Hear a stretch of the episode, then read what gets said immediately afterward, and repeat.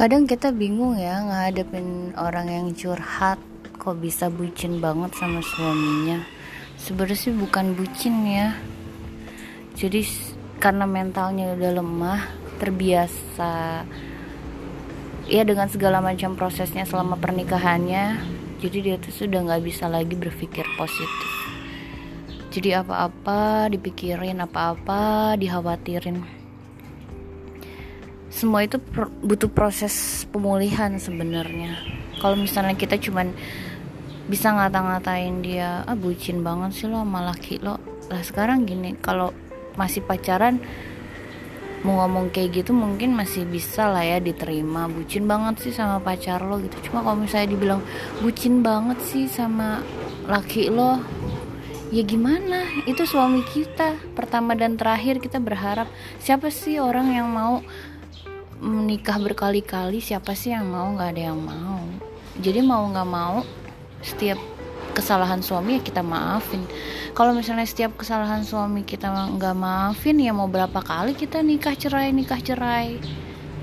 Ya sekarang kuncinya ada di perempuan. Kalau misalnya dia mau berusaha untuk memulihkan traumanya, memulihkan mentalnya, gimana caranya biar bisa bersikap waras dan masih bisa berpikir positif.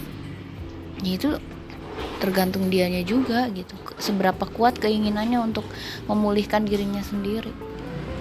Kita bisa kok bertahan dengan suami yang sama. Yang penting kita punya amunisi yang penting kita punya cara untuk gimana caranya bertahan gimana caranya biar tetap waras gimana caranya biar nggak ganti-ganti suami terus. Jadi buat kalian yang punya teman yang kayaknya diapa-apain di KDRT diem aja atau cuma bisa bertahan ya kalian nggak bisa ngelihat dari satu sisi aja. Nggak bisa ngelihat dari satu sisi eh dia bucin eh dia kurang iman atau apa. Enggak dia masih sholat kok. Dia masih masih berdoa sama Allah. Cuman mental mentalnya lagi rusak. Dia butuh dukungan dia butuh orang yang bisa narik dia ke sebuah dari sebuah lubang hitam. Gimana caranya?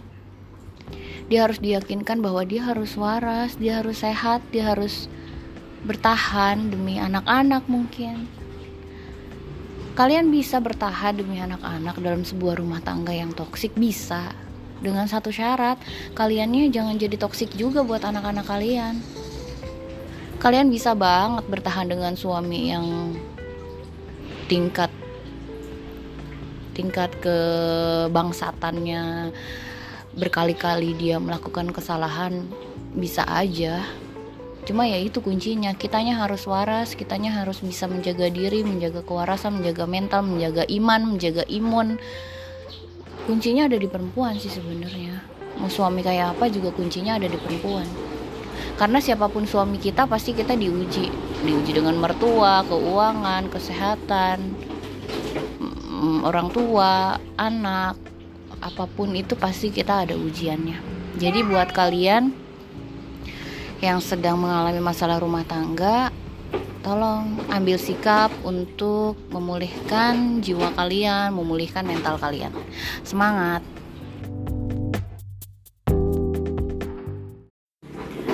Salah satu alasan kenapa para istri selalu bertahan dengan rumah tangganya apa pun kondisinya yaitu sebenarnya bukan hanya masalah anak juga.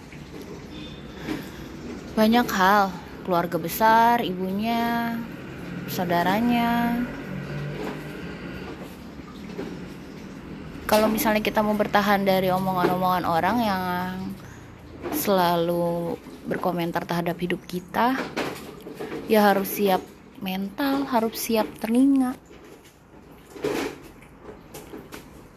Usahakan apa yang orang omongin itu jangan kita telan bulat-bulat harus kita pikirin dulu apa yang terbaik buat kita. Jangan si A ngomong kayak gini ikutin. Si B ngomong gini ikutin. Si C ngomong gini ikutin. Tetap aja kalian harus dengerin hati nurani kalian. Dan kalau kalian masih mau bertahan dalam rumah tangga ya kalian harus cari tahu gimana caranya gimana solusinya buat kalian menghadapin rumah tangga toksik bertahun-tahun entah itu KDRT suami yang nggak nggak mau nyari nafkah atau alasan apalah yang menjadi sumber masalah kalian ya kalian harus melerai semua benang-benang kusut itu. Satu persatu kalian catat apa sih yang jadi sumber ketidakbahagiaan rumah tangga kita percuma aja kayaknya bertahan dalam rumah tangga tapi Allah nggak ridho Allah Allah nggak ngasih keberkahan dalam rumah tangga. Itu harus dicari kuncinya harus dicari solusinya harus di kita harus gimana sih apa sih yang harus kita lakukan? Kita harus berusaha berbicara sama suami kamu maunya gimana? Kamu masih mau bertahan sama rumah tangga ini ayo kita berjuang sama-sama tapi kalau misalnya dia udah nggak mau bertahan lagi oh ya udah. Kalau misalnya udah nggak mau bertahan lagi buat apa kita berjuang sendiri? Capek-capekin buang-buang energi. Bisa jadi tidak menutup kemungkinan setelah berpisah dengan dia kamu akan jauh lebih bahagia. Kan begitu harapannya. Meskipun nggak semudah itu ada laki-laki yang mau nerima kita dengan anak-anak dari orang lain ya nggak semudah itu juga. Pasti masih banyak uh, masih banyak drama-drama nanti di pernikahan kita yang baru tentang anak dari bukan dari anak kandungnya. Ya intinya setiap pernikahan pasti ya, kita harus berjuang. Setiap pernikahan kita harus cari cara gimana caranya buat kita saling bertahan keduanya. Ya kalau misalnya suami kalian tukang selingkuh tukang cari masalah. Ya kasih tahu sama dia kalau misalnya hidup tuh nggak bisa kayak gini terus. Kalau misalnya kamu mau hidup bebas ya silakan keluar dari kehidupan saya. Kan bisa seperti itu. Tapi banyak perempuan, banyak istri yang ragu mengucapkan kata itu karena apa? Karena dia ngerasa nggak produktif, dia ngerasa nggak punya uang, nggak nggak bisa ngapa-ngapain, tidak menghasilkan sesuatu apa yang bisa menghidupi dirinya dan anak-anaknya. Salah satunya itu makanya kunci dari semuanya itu adalah kita harus produktif, kita harus punya uang sendiri, kita harus punya skill yang bisa kita jual, kita harus punya skill yang kita kita yakin nih kalau masa depan kita tuh akan lebih jauh lebih baik daripada bertahan dengan si suami yang banyak tingkah. Intinya sih gitu. Intinya sih perempuan harus mandiri. Bukannya feminisme ya tapi memang iya. Gimana pun memang kita harus bisa bertahan hidup sendiri. Jangan ngandelin nafkah suami jangan ngandelin apa-apa suami apa-apa suami nggak bisa. Suami sekarang sama suami dulu mungkin beda ya karakternya pola asusnya juga dari orang tuanya beda nggak nggak bisa disamain sama sama zaman dulu. Sekarang tuh udah istrinya tuh harus gimana caranya cari solusi dengan pasangannya masing-masing. Oke semangat ya kakak semua. Halo assalamualaikum warahmatullahi wabarakatuh. Kembali lagi bersama saya Dwi Anggraini. Kali ini saya akan membahas Mengenai pertanyaan-pertanyaan yang udah masuk Pada tema bucin kepada suami Bucin atau sebuah pengabdian Yang pertama adalah Pertanyaan yang pertama adalah Bisakah pasangan kembali bucin setelah berselingkuh? untuk keduanya ya yang eksilaf sama yang diselingkuhi sebenarnya gini bagi yang sudah pernah berselingkuh pasti dia ada rasa bersalah kepada pasangan. Dan bagi yang diselingkuhi pasti ada rasa sakit hati. Kalau ditanya bisa nggak sih kembali bucin kembali kembali menjadi cinta lagi kepada pasangan? Sebenarnya itu bisa asalkan keduanya memiliki tekad yang kuat untuk kembali mulai lagi dari awal, mulai lagi dari nol, membuka lembaran baru bahwa ya sudah masa lalu, sudah tinggalkan saja, saling memaafkan dan memulai lagi hidup baru. Gak usah lagi ngungkit-ngungkit masa lalu, gak usah lagi yang namanya si pasangan pasangannya juga yang berselingkuh bertekad untuk bertobat dan tidak mengulangi hal yang sama. Dan pasangan yang diselingkuhi benar-benar memaafkan, menerima dia apa adanya, memulai lagi dari nol. dan tidak lagi mengungkit-ungkit masa lalu. Jadi dua-duanya harus berjuang. Pertanyaan kedua,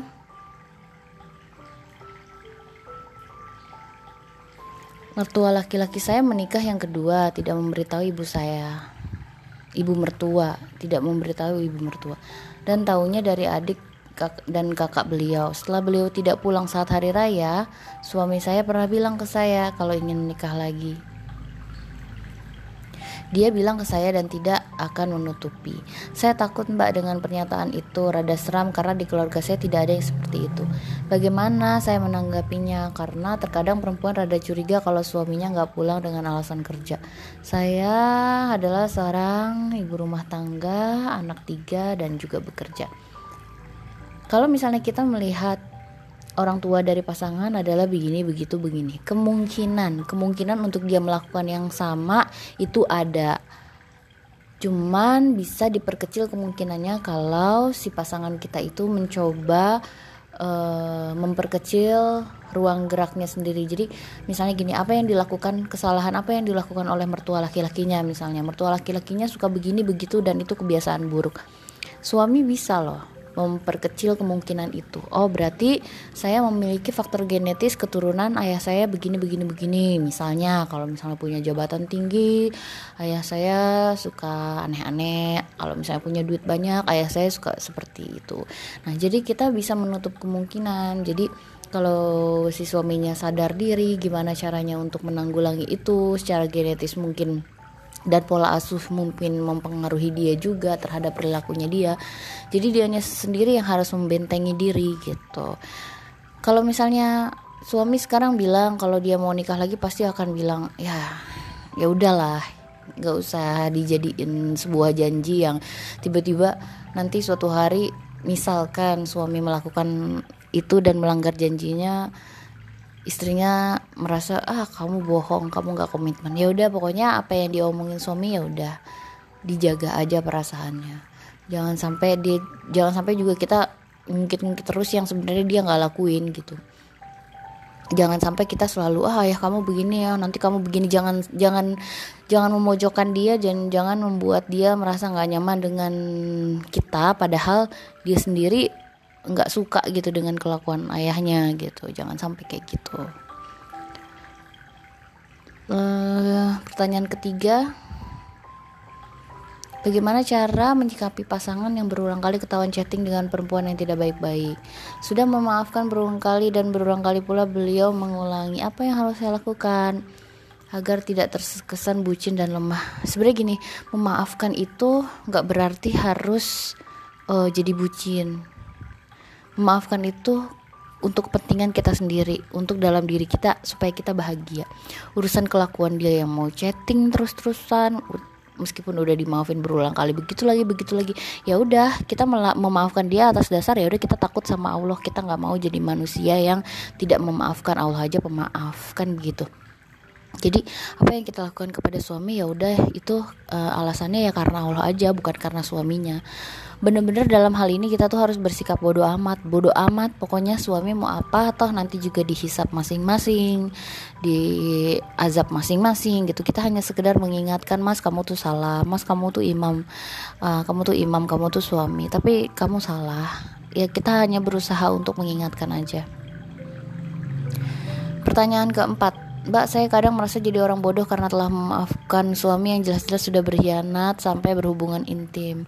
Apa saya termasuk bodoh menerima dia kembali? Bahkan saya sekarang lebih ekstra melayani lahir dan batin dengan tulus, lebih berbakti padahal dia adalah pendosa kalau saya mengungkit dosa dia dan membicarakan dalam hati saya berpikir seolah-olah saya orang paling suci yang gak punya dosa. Seolah-olah saya menghakimi suami saya. Padahal bisa jadi masalah itu ujian yang Allah berikan buat saya karena Allah sayang sama saya.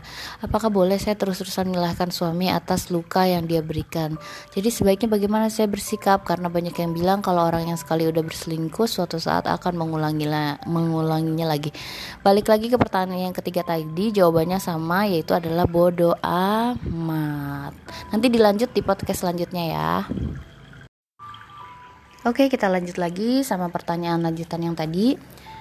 apakah boleh kita merasa seolah-olah kita paling suci dan menghakimi suami yang tadi saya bilang jangan pernah menghakimi suami memojokkan suami dan merendahkan suami kalau misalnya dia punya kesalahan ya sudah itu urusannya dia sama Allah kita jangan dan kita juga jangan jangan ngerasa sok-sok suci yang nggak pernah buat salah. Dan jangan juga ngerasa bahwa uh, kita itu orang yang paling berjasa udah maafin dia terus. Terus nerima dia lagi maafin lagi nerima lagi. Kalau misalnya kamu terus begitu kamu terus menyalahkan suami terus ya nggak akan bisa tenang rumah tangga gitu. Jadi ya udah belas aja gitu serahkan aja semuanya sama Allah. Pokoknya apa yang dia lakukan itu pertanggung jawabannya dia sama Allah. Urusan kamu sama Allah. Maafin dia ya karena Allah. Jadi kalau misalnya kamu ngedenger orang kalau udah selingkuh sekali suatu saat akan mengulanginya lagi ya belum tentu juga. Kalau misalnya dia tobat nasuha kalau dia ngerasa ini enggak bermanfaat buat hidupnya dia hancur-hancur dia ya dia pasti ngerasa bersalah dan gak akan ngulanginya lagi. Jadi tergantung orangnya juga nggak bisa disamaratakan. Kalau misalnya kamu cemas merasa kalau aduh takut kayak gitu ya itu rugi-rugi kamu sendiri bikin penyakit diri diri kamu sendiri. Makanya saya bilang tadi ya udah bodo amat terserah suami mau kayak gimana. Yang penting kamu adalah wanita soleha yang menjaga diri kamu menjaga kesucian kamu masih masih hormat sama suami gitu. Terlepas dari apa pun kesalahan dia melayani dia dengan baik gitu aja sih. Kalau misalnya kamu merasa cemas merasa takut terus ya itulah bucin banget gitu loh. Maksudnya jadi bucinnya negatif gitu. Kamu yang selalu merasa ketakutan ketakutan ketakutan. Seperti itu kalau misalnya suami ngasih janji-janji manis ya udah nggak usah nggak usah diajak ngobrol tentang janji. Ya pokoknya intinya kita percaya sama apa yang dia lakuin saat ini nggak usah pakai janji-janji gitu lakuin aja gitu. Dan gak usah berekspektasi terlalu tinggi terhadap janji-janjinya yang pernah dia ungkapin gitu aja. Nomor lima, hmm, bagaimana cara bucin kita ke suami dengan cara yang membangun, membangun diri kita, membangun self love, membangun kepercayaan diri supaya kita tetap happy membersamai suami kita tanpa terpaku pada kekurangan dan kekecewaan. Ya intinya kita uh, sebenarnya bucin itu adalah bagian dari menduakan diri sendiri. Dia tidak mencintainya diri sendiri. Jadi kalau misalnya kamu mau tetap mencintai suami kamu tanpa membagi cinta dengan diri kamu sendiri ya sewajarnya aja sewajarnya dan se uh, sewajarnya dan ya sebiasanya aja gitu. Nggak usah terlalu berlebihan kamu harus lebih bijaksana aja. Mencintai diri sendiri itu lebih penting daripada mencintai orang lain. Kita kalau nggak mencintai diri sendiri nggak mungkin bisa mencintai orang lain. Itu sih. Jadi kalau misalnya kita uh, punya kekurangan ya kita sadar diri dan introspeksi diri memperbaiki lagi apa kesalahan kita dan kalau misalnya suami kita punya kekurangan ya udah pahami itu dan ingatkan dia bahwa jangan sampai kelemahan dia kekurangan dia itu menjadi pemicu kita untuk bertengkar. Jadi kekurangan kelebihan masing-masing harus saling mengingatkan aja. Jangan sampai itu jadi bahan ributan dalam rumah tangga. Yang keenam, bagaimana jika istri dihadapkan pada pilihan membiarkan suami menikah lagi dan istri bekerja serta tinggal di rumah ortu sendiri. Jadi dia pisah dengan suami atau hidup suami di desa beserta keluarga suami yang suka campur urusan rumah tangga anaknya. Dan suami sendiri selalu menuruti ortunya. Gajinya harus masuk ke rekening ortu, istri hanya dijatah 20% dari harta suami harta suami dikelola orang tuanya is, is uh, harta suami dikelola oleh orang tuanya istri tidak berhak ikut campur. Ya ini yang salah. Berbakti pada orang tua setelah menikah bagi laki-laki adalah yang harus diutamakan adalah anak istrinya dulu. Karena saat akad nikah itu benar-benar perjanjian dengan Allah itu perjanjian yang berat jadi kalau misalnya kita hanya memperdulikan keluarga kita yang apa ini nikahin istri kita kan gitu. Meskipun istri kita bekerja ya kewajiban kamu sebagai suami yang menafkahi istri dan anak-anak kamu kan gitu. Kalau misalnya kamu mau ngasih ke orang tua kamu ya sewajarnya aja, sepantasnya aja tapi utamakan dulu istri dan anak-anak kamu. Kalau misalnya dihadapkan pada pilihan membiarkan suami menikah lagi dan istri bekerja, ya itu bukan pilihan sih. Jadi lebih pada kayak oh ya pilihannya dia kalau misalnya mau menikah lagi gitu. Loh masa kita harus memilih di antara dua pilihan yang enggak banget dua-duanya gitu. Yang satu menikah lagi atau yang kedua tidak menikah lagi tapi uh, tinggal bersama keluarga yang toksik banget keluarga suami yang toksik banget yang nggak dua-duanya. Kedua pilihan itu nggak banget buat kita nggak adil nggak ada nggak ada maksudnya pilihan itu yang nggak adil banget buat istri gitu nggak ada pilihan yang enak di antara keduanya. Jadi kalau misalnya mau disuruh pilih ya nggak bisa. Itu harus bener-bener yang kayak zolim banget keduanya. Kedua pilihan itu zolim banget buat istrinya.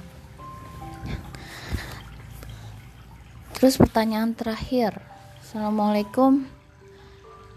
Uh, suamiku pernah selingkuh sampai keterlaluan. Sekarang dia malah jadi balik bucin ke saya tapi nggak terlalu tapi nggak tahu bucin beneran atau cuma pura-pura doang. Kira-kira kiat untuk menyikapi meresponnya dengan bijaksana menurut bunda gimana? Menurut aku sih kalau misalnya dia berusaha untuk berbuat baik ya terima aja. Tapi nggak usah juga yang di apa namanya yang yang ditanggapi dengan serius gitu. Ah dia berubah ah dia jadi lemah lembut romantis dan sebagainya. Ya dia juga punya trik kali untuk mendapatkan hati istrinya kembali gitu. jadi maksudnya nggak usah terlalu berlebihan ya wajar wajar aja sewajarnya aja lah menerima menerima sikap dia yang mungkin tiba-tiba jadi kayak opa-opa Korea yang tadinya enggak romantis jadi romantis gitu. Maksudnya biasa aja gitu loh. Malah jadi lebay juga kalau misalnya tiba-tiba dia berubah drastis padahal dulu nggak kayak gitu ya mungkin itu bagian dari perbaikan dirinya dia tapi ya nggak segitu juga kita nerimanya dengan apa namanya perasaan yang lebay juga gitu. Maksudnya biasa aja supaya kalau misalnya dia melakukan hal yang sama lagi kita nggak terlalu sakit lagi gitu aja. Oke sekian dari saya tanya jawabnya. Nanti kita lanjut lagi ya. Terima kasih. Halo kembali lagi bersama saya Dwi Anggraini di sesi tanya jawab yang terakhir dua pertanyaan terakhir. Yang pertama adalah Bun saya malah merasa nggak bucin sama suami. Jadi kalau ada konflik sama suami kita sama-sama diem. Mau deketin duluan gengsinya kegedean. Suami pengen saya sampai lahiran di rumah mertua. Saya coba sebucin-bucinnya bertahan akhirnya nggak bisa nurut. Hamil 8 bulan maksa-maksa suami tinggal sendiri Gimana caranya saya jadi bucin biar bisa patuh sama suami dan jadi istri soleha?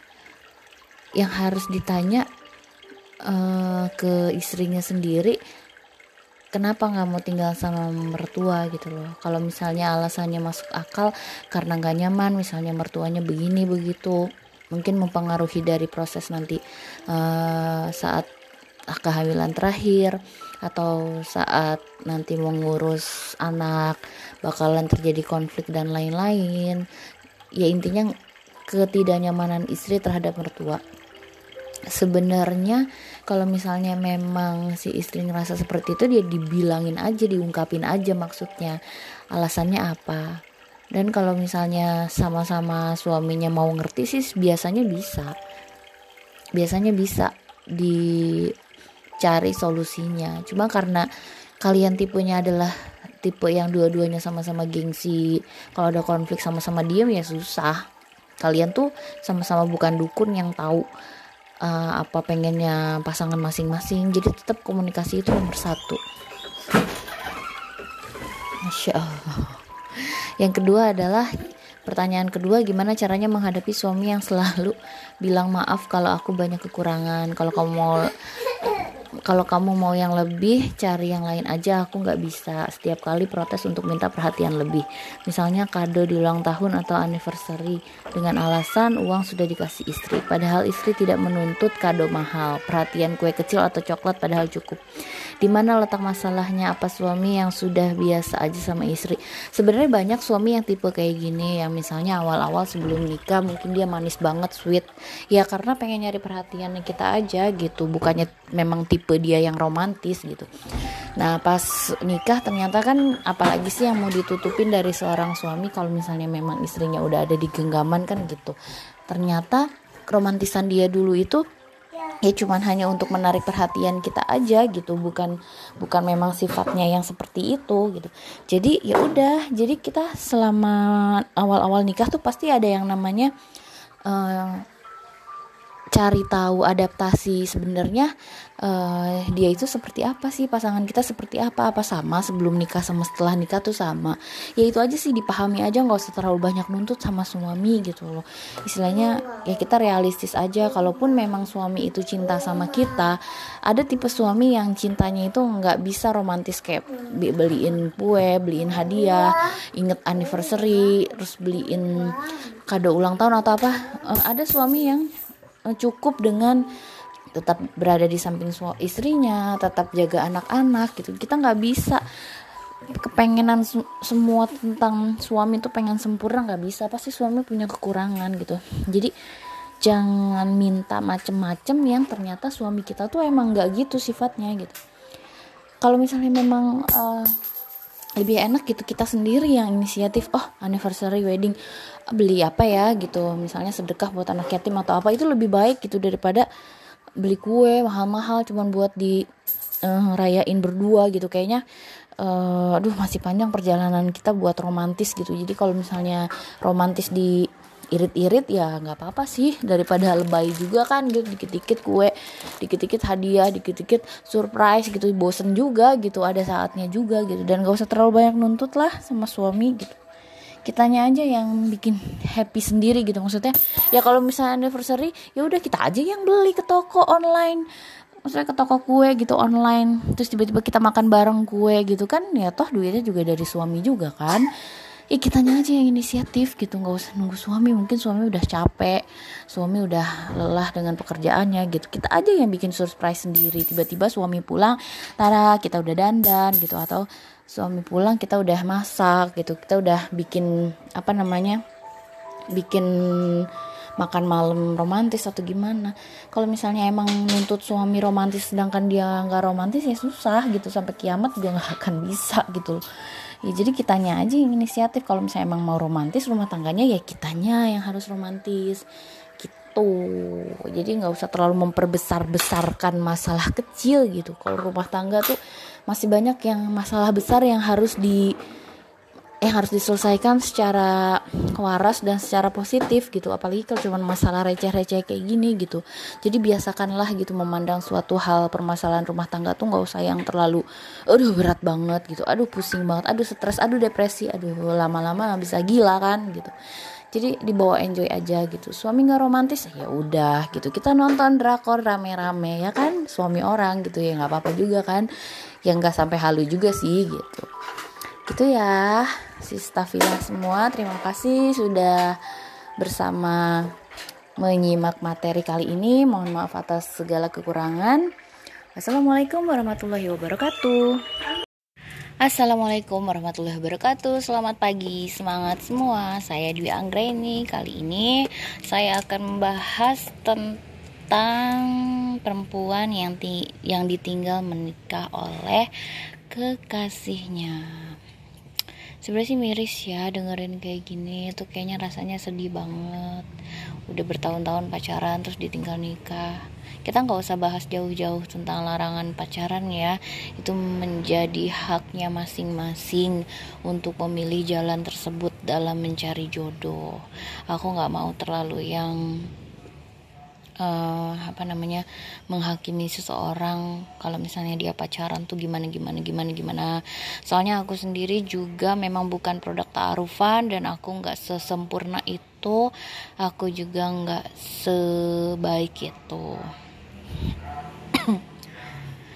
Jadi aku sempat juga ngalamin proses-proses itu di masa lalu sebelum hijrah. Jadi aku bener-bener nggak mau yang namanya maksain orang untuk nggak pacaran karena aku juga uh, ngerasa belum sempurna aja ngejalanin hidup. Jadi buat kamu yang lagi patah hati sebenarnya mau pacaran mau nanti setelah menikah patah hati itu mungkin pasti ada. Jadi mentalnya kita tuh memang harus disiapkan untuk menghadapi semua kemungkinan di dalam dunia ini jadi kita harus siap mental fisik mentalnya juga harus terus di uh, apa namanya ditambah lagi gitu. Jadi ngelihat dari pengalaman-pengalaman orang lain jadi kita benar-benar harus siap untuk uh, melewati itu kalaupun memang itu terjadi sama kita. Kita sih harus berdoa ya semoga kejelekan-kejelekan yang orang lain alami itu enggak nggak terjadi juga di dalam hidup kita. Cuman kan kita nggak tahu ke depannya yang namanya ujian kita nggak bisa milih juga mau diuji seperti apa. Jadi ikhlasin aja kalau misalnya memang si calon tersebut lebih memilih orang lain daripada kita. Mungkin memang itu waktu yang terbaik saat menuju pernikahan tiba-tiba pacarnya selingkuh atau pacarnya memutuskan kita terus malah nikah sama orang lain itu sih jadinya uh, mungkin sebelumnya peringatan udah dikasih sama Allah ya. Cuman yang jadi masalah kitanya yang nggak peka sama peringatan tersebut. Terus hmm, mungkin yang harus di ingat-ingat adalah uh, kenapa sih hal itu bisa terjadi? Sebentar sebentar. Iklan dulu ya guys.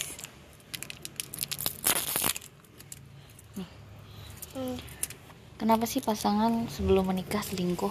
Ya kita nggak tahu ya proses yang terjadi. Secara mental kepada pasangan kita tuh apa kita nggak bisa tahu kita nggak bisa tahu hatinya dia kayak apa. Ya mungkin ada kekhawatiran ada uh, rasa penasaran mungkin atau ada rasa uh, apa sih namanya kalau kayak gitu tuh uh, dia belum yakin gitu sama pernikahan yang akan dia jalani nanti. Karena pernikahan itu kan seumur hidup sekali gitu mungkin. Kemungkinan dia mencoba yang lain sebelum dia memang benar-benar memutuskan untuk menikahi satu wanita. Karena resikonya akan besar saat dia uh, masuk ke dalam pernikahan. Lalu uh, jiwa mudanya bergelora belum tersampaikan semuanya. Jadi kemungkinan bisa jadi dalam sebuah pernikahan itu masih terjadi lagi yang namanya perselingkuhan. Jadi kalau misalnya ada teman-teman yang mau nikah tiba-tiba pacarnya selingkuh, mungkin itu adalah tanda dari Allah bahwa seharusnya kita tidak melanjutkan uh, menikah dengan dia gitu. Kalau ditanya kak sakit hati banget ini sakit hati banget udah berapa tahun pacaran tapi ternyata dia selingkuh atau dia memutuskan untuk tidak jadi menikah dengan kita. Ya iya pasti yang namanya sakit hati pasti jangankan begitu gitu. Yang udah nikah aja diselingkuhin tuh Nah, rasanya sakit gitu. Kan kalau udah nikah kan nggak mungkin ke mana-mana lagi kan kecuali bercerai kan pasti balik lagi.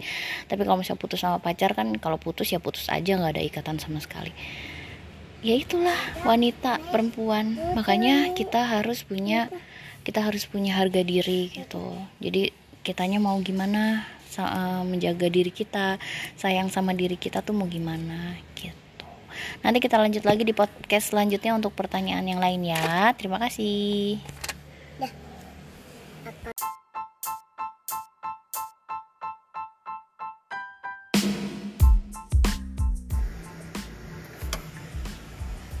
Halo, kembali lagi bersama saya Dwi Anggraini. Jadi untuk podcast yang tadi lanjutannya itu selain ditinggal menikah eh, tiga bulan sebelum pernikahan pacar saya selingkuh kak. Gimana? Lanjut atau enggak? Menurut saya pribadi sih nggak usah lanjut. Kenapa? Karena uh, hubungan kalian tuh udah toksik sebenarnya. Apalagi kalau pas ditanya pasangannya kenapa sih kamu selingkuh? Kan kita mau nikah tiga bulan lagi. Alasannya misalnya kamu tuh hmm, perempuan yang nggak bisa dengerin aku perempuan yang keras kepala terus dari segi fisik kamu lebih, uh, apa dia jauh lebih cantik dari kamu bla bla bla bla. Semua kekurangan kamu dia sebutin. Tapi dia lupa kalau dia tuh punya kekurangan juga gitu pacaran setahun dua tahun tiga tahun. Katanya terus apa uh, terus kita merasa tersiksa kalau diputusin sama dia. Ya justru itu petunjuk dari Allah sebelum nikah. Kalau misalnya kamu diselingkuhin ya berarti kamu harus pikir-pikir lagi. Pikir-pikir gimana sih sebenarnya ini calon suami? Kok belum jadi suami aja udah nyakitin apalagi udah jadi suami.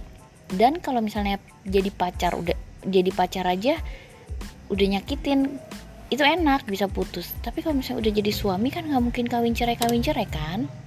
Kita pasti harus menerima kekurangan suami. Kita pasti harus menerima semuanya. Apa kekurangan dia apa keinginan dia, keinginannya dia dan apa ujiannya juga. Jadi pikir-pikir deh pikir-pikir lagi istikharah lagi minta sama Allah maunya gimana yang Allah ridho sama dia atau enggak memang sih katanya sebelum menikah itu biasanya ada ujian. Ya tapi kalau misalnya udah udah menjurus ke selingkuh kayaknya lebih baik enggak deh. Lebih baik enggak enggak lanjut. Karena apa? Karena dalam sebuah pernikahan itu ujian itu nanti bukan hanya sekedar dari uh, pihak pasangan aja. Tapi nanti ada lagi dari keturunan dari keuangan ekonomi dari orang tua dari mertua dari kakak ipar eh, dari tetangga eh, dari semuanya yang bikin pusing. Jadi kamu nggak akan bisa uh, menganggap bahwa wah kalau nikah dia nggak nggak akan apa namanya nggak akan nakal lagi. Kalau menikah dia nanti akan soleh. Itu belum tentu manusia itu mudah berubah. Jadi jangan sampai kita itu mengharapkan terlalu tinggi ekspektasi kita terlalu tinggi terhadap pernikahan. Itu jangan banget jangan sampai. Berharap berdoa bahwa pernikahan kita itu akan sakinah mawadah warahmah itu boleh. Boleh banget. Tapi kalau misalnya berekspektasi tinggi oh nanti suamiku oh, soleh suamiku begini begitu setia dan lain-lain itu nggak usah nggak usah banget yang namanya berharap kepada manusia. Jadi kita doa aja sama Allah semoga uh, imam yang kita pilih menjadi suami itu adalah suami yang terbaik suami yang soleh. Jikalau memang dia hilaf dia lupa dia uh, insya Allah kembali lagi ke jalan yang benar gitu. Jadi jadi perempuan tuh harus bisa harus bisa memilah-milih mana yang harus dipikirin mana yang harus nggak dipikirin gitu. Mana saatnya kita harus mencintai diri sendiri mana saatnya kita harus mencintai pasangan. Jadi perempuan tuh benar-benar harus bisa mengelola emosi mengelola diri supaya tetap waras. Semangat buat kalian para jomblowati, para single lillah yang masih mencari jodohnya, minta sama Allah yang terbaik. Ya, jangan bersedih ya. Semangat.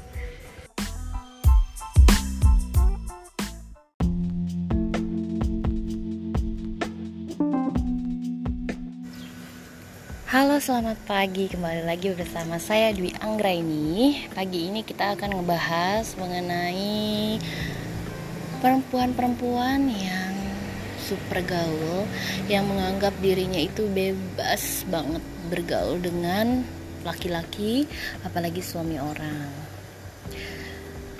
Menurut saya dalam sebuah pernikahan itu nggak ada yang namanya teman beda jenis dalam arti saat kita sudah memutuskan untuk menikah, siapa pun kita, apa pun kita, sejak e, masih muda kita harus bisa melepaskan itu.